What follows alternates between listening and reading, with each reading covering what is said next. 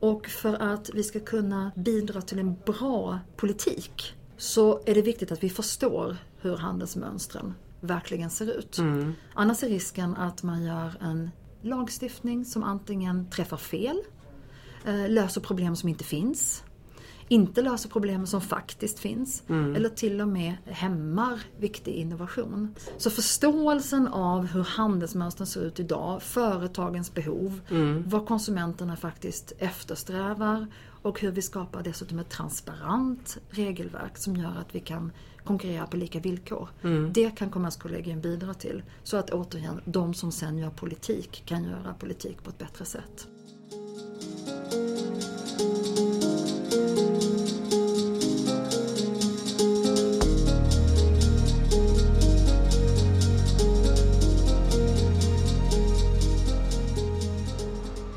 Hej och välkomna till Utrikeshandelspodden, en samtalspodd från Kommerskollegium, Sveriges myndighet för utrikeshandel, EUs inre marknad och handelspolitik.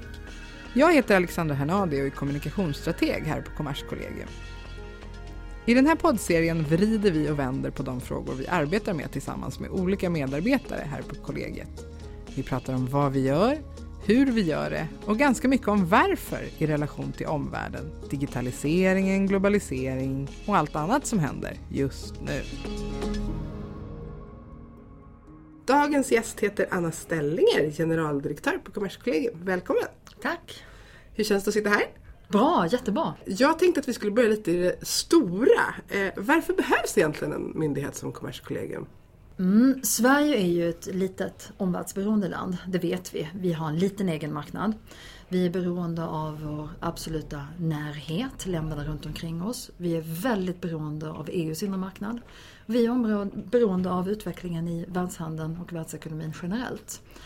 Att Sverige har möjligheten att ha en myndighet med den kompetensen inom handelspolitik, handelsutveckling och EUs inre marknad gör oss till ett mer kunskapsintensivt land när det gäller handelspolitik och EUs inre marknad.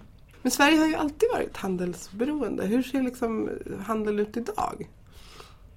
Det är spännande. Jag fick den frågan på Europadagen häromdagen. Mm. Vi firar ju Europadagen varje år. Mm. Eh, och frågan var huruvida handelsmönstren inte såg mer eller mindre likadana ut sen Europa skapades vid Schumanndeklarationen. Och det här var ju 60 år sedan. Mm. Vilket fick mig att tänka efter, hur såg egentligen handelsmönstren ut? Då handlade det ju mycket om varor. I fallet Europa var det kol och stål och det handlar om tullar. Och det kan man väl generellt säga att för ett par decennier sedan så var det framförallt varor eh, och tullar det handlade om.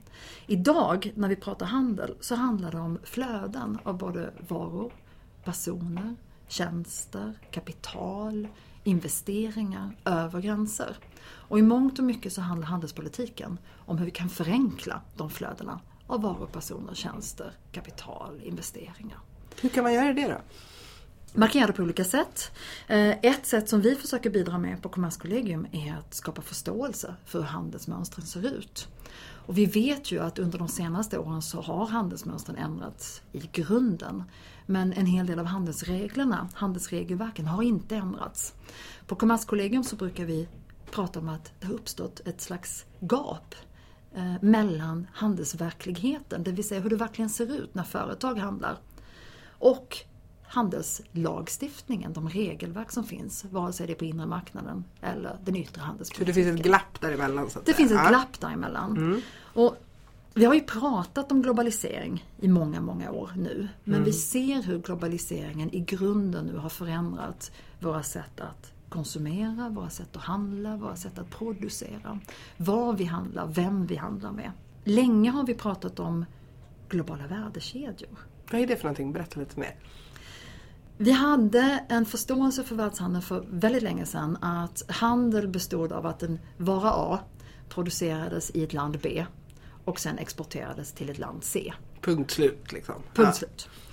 Globala värdekedjor är ett sätt att förklara en term av många. Vi kan prata om internationella produktionsnätverk och andra komplicerade formler också. Mm. Men eh, det är mer och mer uppenbart att varor och tjänster inte produceras inom ett land längre.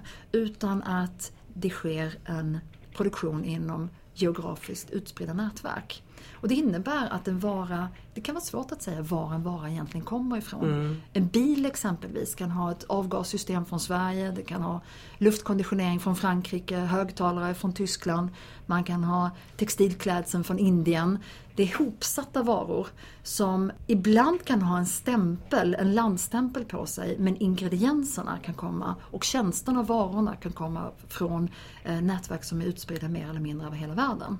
Och det måste ha jättestora konsekvenser för lagstiftning tänker jag. Absolut. Mm. Och det gör oss också, har, har skapat en förståelse för att vi inte bara är exportberoende men också importberoende. Mm. Om vi gör den kopplingen. Den svenska exporten består till en tredjedel av import. Vi behöver insatsvaror för att kunna exportera. Vi är en del i större internationella produktionsnätverk. Hur bidrar Kommerskollegium och Kommerskollegiums eh, medarbetare till eh, att belysa liksom den här utvecklingen då? Utvecklingen kan te sig ganska komplex. Nu pratar vi Mm. om globala värdekedjor men vi har andra tendenser också. Som att vi brukar kalla det tjänstifiering. En Mm. vara kan även innehålla tjänster. Eh, Vi pratar också om digitalisering givetvis som förändrar hela samhället men som också förändrar vårt sätt att producera, konsumera och handla. Mm. Och för att vi ska kunna bidra till en bra politik. Kommerskollegium gör inte politik men vi bidrar till att göra politiken bättre. Så eh, är det viktigt att vi förstår hur handelsmönstren verkligen ser ut. Mm. Annars är risken att man gör en lagstiftning som antingen träffar fel, eh, löser problem som inte finns, inte löser problem som faktiskt finns eller till och med hämmar viktig innovation. Mm. Att man skapar hinder så att säga. Ofrivilligt. Ja, precis. Så förståelsen av hur handelsmönstren ser ut idag, företagens behov, vad konsumenterna faktiskt eftersträvar och hur vi skapar dessutom ett transparent regelverk som gör att vi kan konkurrera på lika villkor. Det kan Kommerskollegium bidra till. Så att återigen, de som sen gör politik kan göra politik på ett bättre sätt. Intressant. Eh, du jag funderar på en fråga som man inte kommer undan och som det liksom pratas mycket om när man pratar om frihandel och, utrikeshandel i de sammanhangen. Det är ju TTIP, eh, frihandelsförhandlingarna mellan eh, EU och och USA. Och det är också en fråga som uppmärksammas ganska mycket och är ganska kontroversiell på många sätt. Vilken roll spelar Kommerskollegium i den, det sammanhanget? Kanske först något ord om TTIP. Det är komplicerade eh, förkortningar varje gång vi pratar om TTIP. Vi pratar om TTIP, vi pratar om ISDS. Vi pratar om olika beståndsdelar i det här frihandelsavtalsförhandlingarna som kan te sig ganska kluriga. Ja, det är väldigt komplicerat. Det är komplicerat. Länge var handelspolitiken eh, relativt under radarn. Eh, vi har förhandlat en otrolig massa frihandelsavtal och vi, både Sverige när det var svensk politik att förhandla frihandelsavtal men också sedan vi gick med i EU och detta är ju EU-kompetens. Men det skapade ingen större debatt. Nej, det var inte speciellt spännande på något sätt, eller hur? Nej, det var verkligen Nej. inte speciellt spännande och det var inte många som, som ögnade igenom alla de sidor av avtal som, som faktiskt kom på plats heller. Nej. Sen ett tag tillbaka så eftersom handeln har förändrats på det sätt vi pratar om Ja. så förhandlar vi inte frihandelsavtal bara om tullar längre. Det är inte så att du sänker dina tullar med så här många procent så sänker jag mina tullar med så här många procent. Och så bufflar man lite, bråkar lite med varandra, kommer överens, skakar hand och sen har vi ett frihandelsavtal. Idag handlar frihandelsavtal om någonting helt annat. Eller rättare sagt något mycket, mycket mer. För eftersom handel inte då bara är tullar av varor och tjänster men också personrörlighet, dataöverföringar. Vi pratar om regelverk, standarder. Vi brukar prata om tekniska handelshinder. Det vill säga när jag väl har kommit in på din marknad så vill jag ju också att mina företag faktiskt ska kunna agera på din marknad, förstå reglerna. Vi kan till och med ha gemensamma standarder där vi litar på varandra. Och eftersom frihandelsavtal börjar handla om sånt som vi har varit vana att bara ha nationell lagstiftning kring. Man pratar om sånt som är bortom gränsen, behind the border. Då blir det större och mer komplext och fler frågor uppenbarligen. Dataflöden är inte okomplicerat. Det finns en integritetsaspekt i det. Det. Personrörlighet är inte heller okomplicerat. Vi kan inte bedriva tjänstehandel om vi inte förflyttar experter över gränserna. Så bara att sätta TTIP i den kontexten, det är en annan typ av frihandelsavtalsförhandlingar än vi har haft tidigare. Det är den första delen. Den andra delen som jag tror att man måste förstå med TTIP också, det är att TTIP skulle vara ett avtal mellan två absoluta ekonomiska giganter. Vi pratar om 50% av världens BNP, en tredjedel av världens handelsflöden, mer om vi räknar in tjänsteinvesteringar. Det är två giganter som ska förhandla med varandra. Mm. EU har varit vant att förhandla med mindre länder. USA har varit vant att förhandla med mindre länder där man mer eller mindre har fått igenom det man har velat. Nu har vi två giganter, kolosser, som ska komma överens. Så det är uppenbart att det här det finns ett helt annat intresse av de här skälen också Mm. för TTIP. Där tror jag att min absoluta övertygelse är att en myndighet som Kommerskollegium har en viktig roll att spela. När frågorna om klordoppade kycklingar och investeringsskydd och hormonpreppat eh, preppat eh, kött kommer upp på agendan så blir det en känslosam debatt. Ja, det får man ju ändå säga att den har blivit, absolut. Det har den blivit. Mm. Eh, Då blir ju fakta ännu viktigare. Faktabaserad kunskap så att vi förstår vad det egentligen är i vår lagstiftning som är annorlunda mellan EU och USA. Att vi förstår varandras intressen och behov. Förstår varandras regler vad gäller offentlig upphandling. Den kunskapen i de olika sakfrågorna, den kan Kommerskollegium bidra med. Och det är vår roll helt enkelt i det sammanhanget kan man säga. Ja. Ja. Du, funderade på, det är ju dels en del av vår verksamhet, men det finns en ganska speciell och rätt spännande del av vår verksamhet som handlar om det som vi kallar för utvecklingssamarbeten, Mm. handelsbistånd. Va, vad är det egentligen? Jag kan ju försöka göra en brygga till Ja. det vi precis pratade om Ja, eh, med. TTIP utan att det ska vara allt för långsökt. Snyggt i så fall. Handels, jag ska försöka. Handelsmönster och handelsutveckling det påverkar ju inte bara Sverige och EU. Vi pratar ju världshandel här och Ja. vi pratar ju också om att vi var importberoende exempelvis. När ett sånt frihandelsavtal som TTIP förhandlas så har det ju en effekt på tredje land. Det vill säga övriga länder och även utvecklingsländer. Sverige som nation har ingenting att vinna på att vi utesluter utvecklingsländer. Att vi utesluter tredje land. Sverige har som vi vet en lång eh, historia av att vilja bidra i form av bistånd men också kunskap. Handelskunskapen är otroligt viktig i utvecklingsländer för att ge utvecklingsländer en chans att förstå regelverken. Att förstå vad som krävs för att vi blir medlemmar i till exempel Världshandelsorganisationen WTO. Att förstå hur de kan använda de olika fördelar som faktiskt finns att använda sig av. Och det här gör Kommerskollegium till en bredare, mycket mer relevant, också trovärdig myndighet. Vi kan se frågor både från det svenska perspektivet, från EU-perspektivet givetvis, men också från Zambias perspektiv, Liberias perspektiv, Mongoliets perspektiv. Vad, vad är problemen med olika tekniska regleringar för dem? Vad är det de kan dra nytta av? Vad är det de bör kunna dra nytta av bättre? Vi har nyligen varit med om en ganska omvälvande upplevelse, tyckte jag personligen i alla fall. Vi hjälpte ett av världens absolut fattigaste länder, som dessutom blev drabbat av ebola, Liberia, in i Världshandelsorganisationen WTO.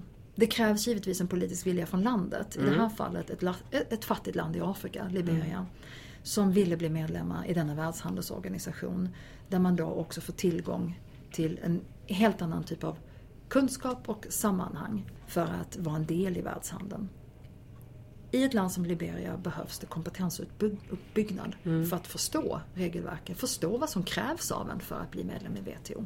Under två, tre års tid har vi jobbat med Liberia med Sida-finansiering, med svenska regeringens eh, godkännande och stöd på alla sätt.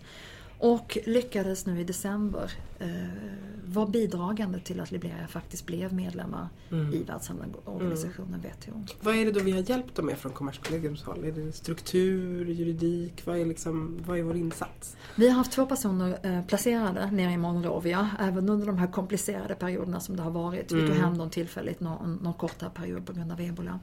För att helt enkelt sitta ner med tjänstemännen och hjälpa till med kunskapsuppbyggnad. Det vill säga inte komma in med en konsultrapport och åka hem igen. Utan sitta ner på plats, gå igenom vad som krävs, gå igenom lagstiftningen. Ja. Förutom de två vi har haft på plats nere i Monrovia så har vi även haft många experter. Det kan vara på nu kommer jag säga en massa förkortningar, mm. TBT-områden, SPS-områden, mm. andra områden där man behöver förstärka kompetensen mm. och uppfylla vissa krav också för att mm. godtas som WTO-medlem. Eh, um, så kompetensuppbyggnad, men då inte på ett kortsiktigt sätt med att uh, lägga en konsultrapport på bordet. Nej. Utan medel och långsiktigt. Mm. När vi åker tillbaka därifrån så ska kunskapen finnas kvar. Och det slutar ju inte nu bara för att de har blivit medlemmar, eller hur? Vad händer med det samarbetet nu? Liberia sprang över mållinjen i mm. december i Nairobi när de blev medlemmar. Det var verkligen i all hast. Eh, absolut historiskt unikt att ett medlemsland blir medlemmar så snabbt ja. på så kort tid. Um, det var ju också delvis för att det fanns inget intresse av det, de övriga länderna internationellt att, att på något sätt straffa Liberia som har gått igenom den den prövning som ebola ja. och de olika kriserna har varit. Ehm, det innebär att en hel del arbete kvarstår. Mm. Så vi stannar kvar åtminstone fram till sommaren 2017 mm. okay. Eh, för att hjälpa till med implementeringen, ja. alltså efterarbetet nu när man har blivit medlemmar. Finns det andra exempel på utvecklingssamarbeten som du kan lyfta där Kommerskollegium är inne och jobbar? Vi har väl varit på mer eller mindre alla kontinenter mm. under de här åren som har gått. Mm. Och då är det ofta kortare kortare insatser, inte så här långsiktigt som med Liberia. Um, alltid uh, styrt av landets efterfrågan. Uh. Det kan handla om olika frågor. Det kan handla om uh, tekniska uh, regler, det kan handla om standarder, det kan handla om uppbyggnad av kunskap av djur, djurfärd och um, en hel rad olika uh, frågor. Handelsprocesser. Handelsprocedurer. Um, ett som jag kan nämna, ett intressant samarbete, ett av många som jag kan nämna för ett ja. exempel, är det som vi nyligen har gjort i Zambia. Ja. Där ministeriet i Zambia eh, upplevde att man inte hade tillräckligt mycket inhemsk handelskompetens. Så vi har hjälpt till att träna studenter men framförallt lärare på universitetet i Zambia. Ja. För att bygga upp eh, handelskompetens så att sen det finns nationell kompetens i landet mm. när man ska jobba med handelsfrågor. Mm. Det vill säga en bättre rekryteringsbas mm. Eh, för ministeriet. Mm. Alltid eh, i det mer eller mindre långsiktiga syftet att bygga upp en kompetens som finns på plats när Kommerskollegium åker hem igen. Du, det här är en podd som lite försöker liksom hålla sig till hur våra frågor är relevanta till det som händer i omvärlden. Och jag tänker på, vi har pratat globalisering, digitalisering nu, det är en modord som alla pratar om. Men det finns ju ett till som vi inte snackat om och det är hållbarhet. Eh, och jag tänker att det är ett begrepp som har blivit allt vanligare på senare tid. Och det har ju även koppling till handelspolitik. Hur kan handeln liksom bidra i ett sådant sammanhang? Den kopplingen blir allt mer uttalad mm. eh, bara de senaste åren. Vi har ju fått nya millenniemål, mm. den så kallade Agenda 2030. Just det. 17 mål som vi alla ska leverera till och där handeln kan göra stor skillnad. Sen, det vet jag inte om det blev någon kioskvältare direkt, men Kommissionen kom med en ny handelsstrategi ja. för åren som kommer. Den är också ganska viktig. Um, I den så fokuseras rätt mycket kring varför just hållbarheten är viktig. Ja. I alla frihandelsavtal som EU eh, e kommer att förhandla framöver ska det finnas hållbarhetskapitel. Mm. Så hållbarhetsfrågan smyger sig in från flera olika håll. Mm. Och i Sverige så har vi givetvis sedan tidigare och även med den här regeringen en ganska stark markering att hållbarhetsaspekten mm. är viktig i alla våra politikområden. När det gäller handel så är det intressant för då pratar vi både om miljömässig hållbarhet, mm, social hållbarhet och ekonomisk hållbarhet. Mm. Hur kan handel vara med att bidra till, bidra till att skapa en långsiktigt hållbar mm. samhällsutveckling? En mm. långsiktigt hållbar ekonomi.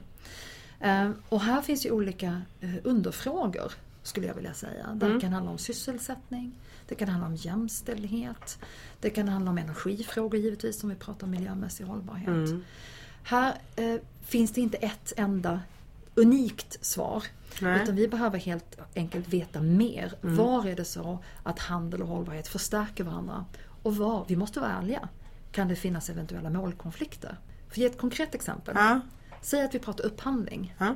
Det finns både EU-lagstiftning och internationell lagstiftning när det gäller mm. upphandling. Upphandling är ett sånt där underskattat ord. Det låter väldigt tråkigt. Men det är en otrolig drivkraft i upphandling. Det mm. handlar om miljardbelopp. Mm. En av de stora frågorna i, TTIP också för att mm. återgå till det. I upphandling, eh, både kan och ska man ställa olika krav. Och krav kan handla just om hållbarhetsfrågor, både miljömässiga och sociala hållbarhetsfrågor. Vi måste bidra till att de krav som kan ställas inom upphandling inte utesluter tredje världen, tredje land, mm. tredje land och utvecklingsländer till exempel. Mm. Då vinner vi ingenting långsiktigt. Vi måste också se till så att de krav, hållbarhetskrav som kan ställas är så transparenta som möjligt. Så att alla har möjlighet att konkurrera på lika villkor. Där finns det möjlighet att handel och hållbarhet på ett väldigt konkret sätt kan förstärka varandra. Men vi måste förstå hur ska vi se till så att den här förstärkningen blir bra utan att vi får en negativ effekt. Mm. En handelshindrande effekt eller en effekt där man som sagt var på ett ganska olyckligt sätt utesluter länder från exempelvis eh, utvecklingsvärlden. Mm. Nu har vi pratat jättemycket om handelspolitik och i ett liksom större sammanhang. Men jag tänkte vi ska också prata om det faktum att Kommerskollegium är ju faktiskt Sveriges inre marknadsmyndighet. Vilken roll spelar Kommerskollegium där? Sverige, precis, exakt. Eh, Kommerskollegium är Sveriges inre marknadsmyndighet. Mm. Eh, Sverige behöver en inre marknadsmyndighet. Mm. Om man tittar på vår instruktion, det vill säga det papper som alla myndigheter har som styr och ger inriktningen på verksamhet. Ja. Så står det att vi ska eh, verka för en väl fungerande inre marknad. Och också att vi ska verka för att EU-rätten implementeras korrekt i Sverige. Det här kan låta ganska torftigt, mm, men det är ett otroligt viktigt uppdrag. Utgångspunkten är att Sverige behöver den inre marknaden. Mm. Vi behöver den inre marknaden med eh, de fyra friheterna. Friheterna för varor, kapital, tjänster, personer. Sverige, Sveriges viktigaste eh, handelspart, om vi säger så, är Europa och EUs inre marknad. Eh, därför är det viktigt att vi på alla sätt bidrar med kunskap och även konkret vid olika kontaktpunkter där vi har uppdrag att verkligen ta pulsen och försöka lösa problem. Berätta om några av de kontaktpunkterna. Vilka är det? Ja, vi har en som heter Solvit, för att ge ett konkret exempel, mm. dit personer och företag kan vända sig om man har anser sig ha blivit orätt behandlad av en annan myndighet. Ja. Det kan handla om att svenskar inte får ut sin pension i Spanien. Det kan handla om att EU-medborgare eh, e inte får tillgång till exempelvis eh, personnummer här i Sverige, mm. SFI, Svenska för invandrare mm. eller annat. Det vill säga, man har stött på hinder mm. som man egentligen inte ska stöta på för man har rättighet som EU-medborgare. Mm.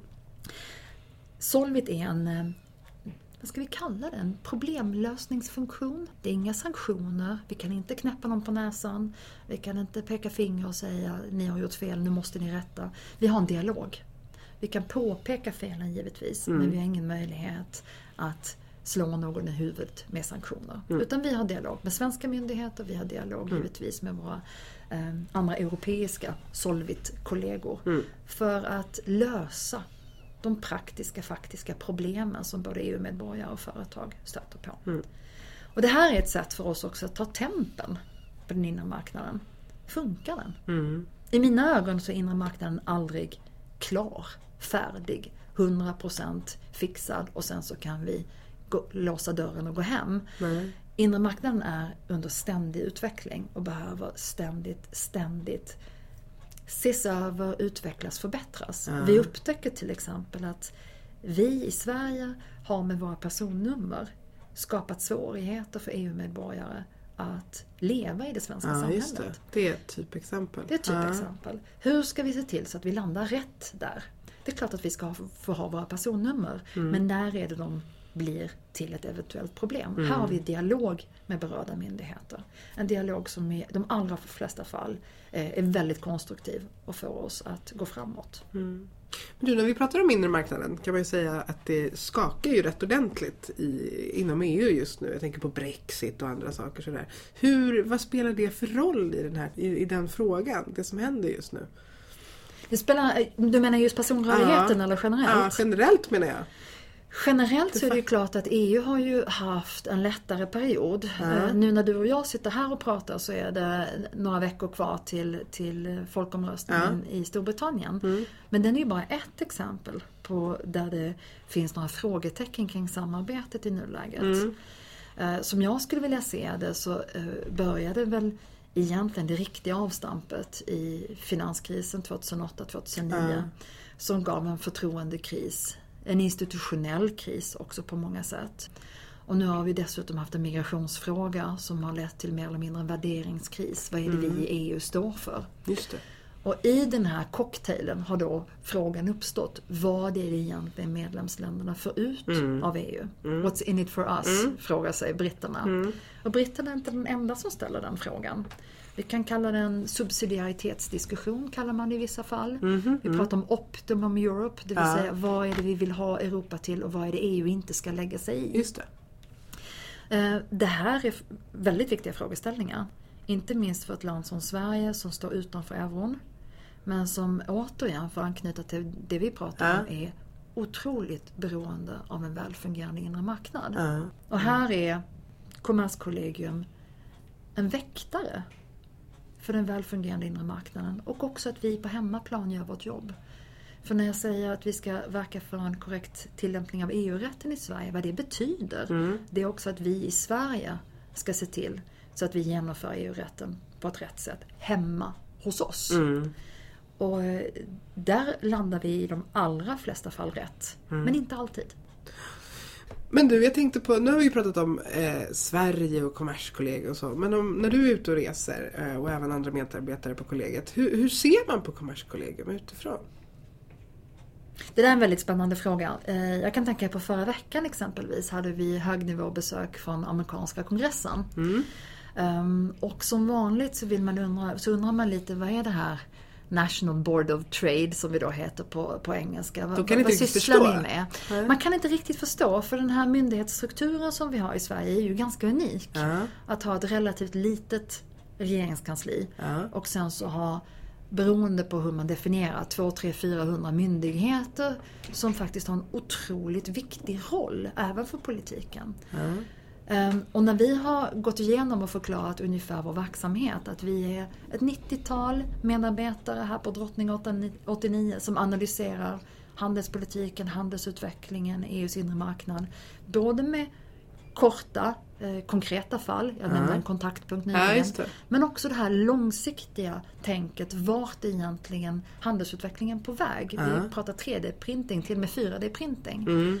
Att ha en organisation som inte är politiskt beroende, som kan bidra med stöd, analys och just det som jag nämnde innan, göra politiken lite bättre.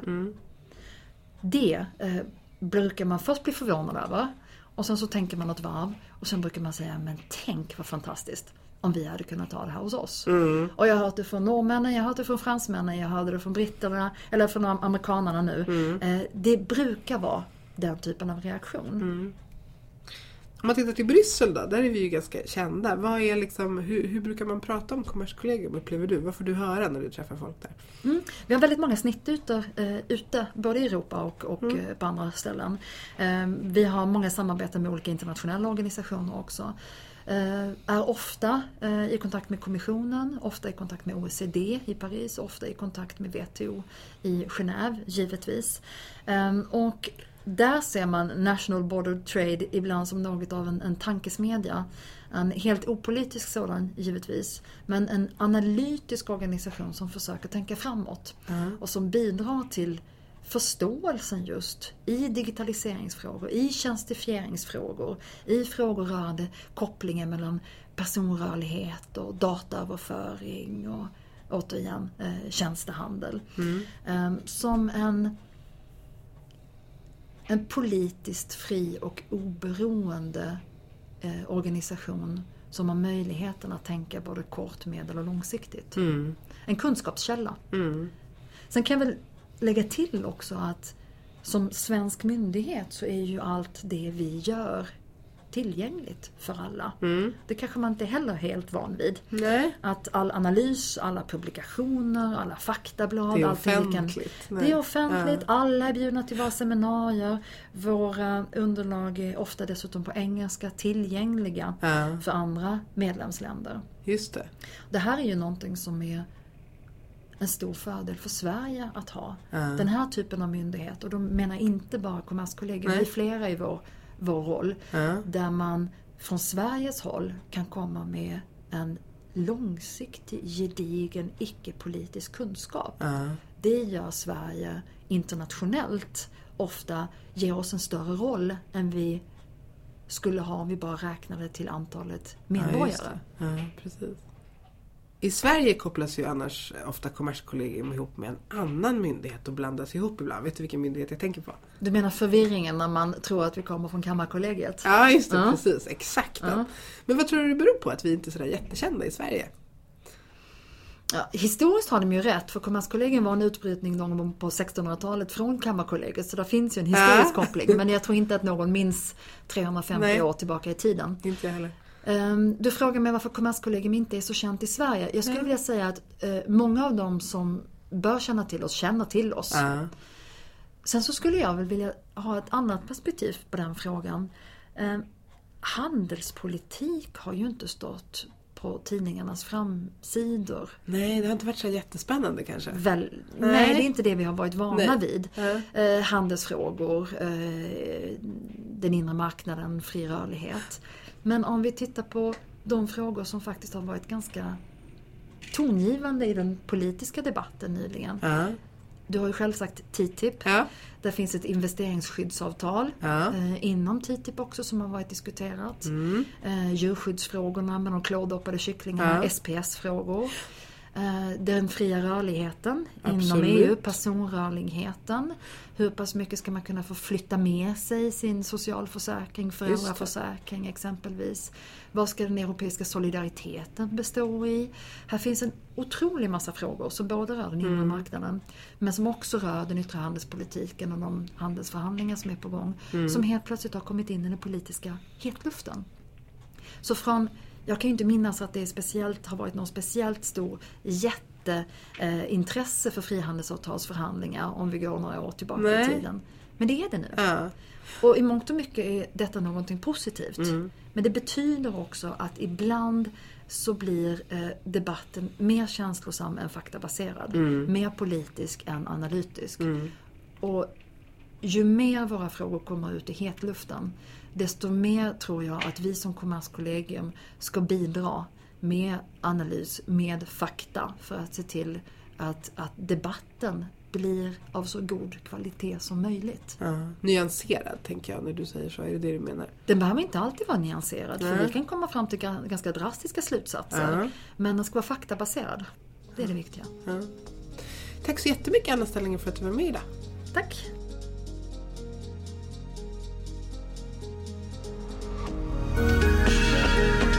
Du har lyssnat på Utrikeshandelspodden, en podd från Kommerskollegium. Följ oss gärna på Twitter, där heter vi Kommerskoll. Eller läs mer om vår verksamhet på kommers.se.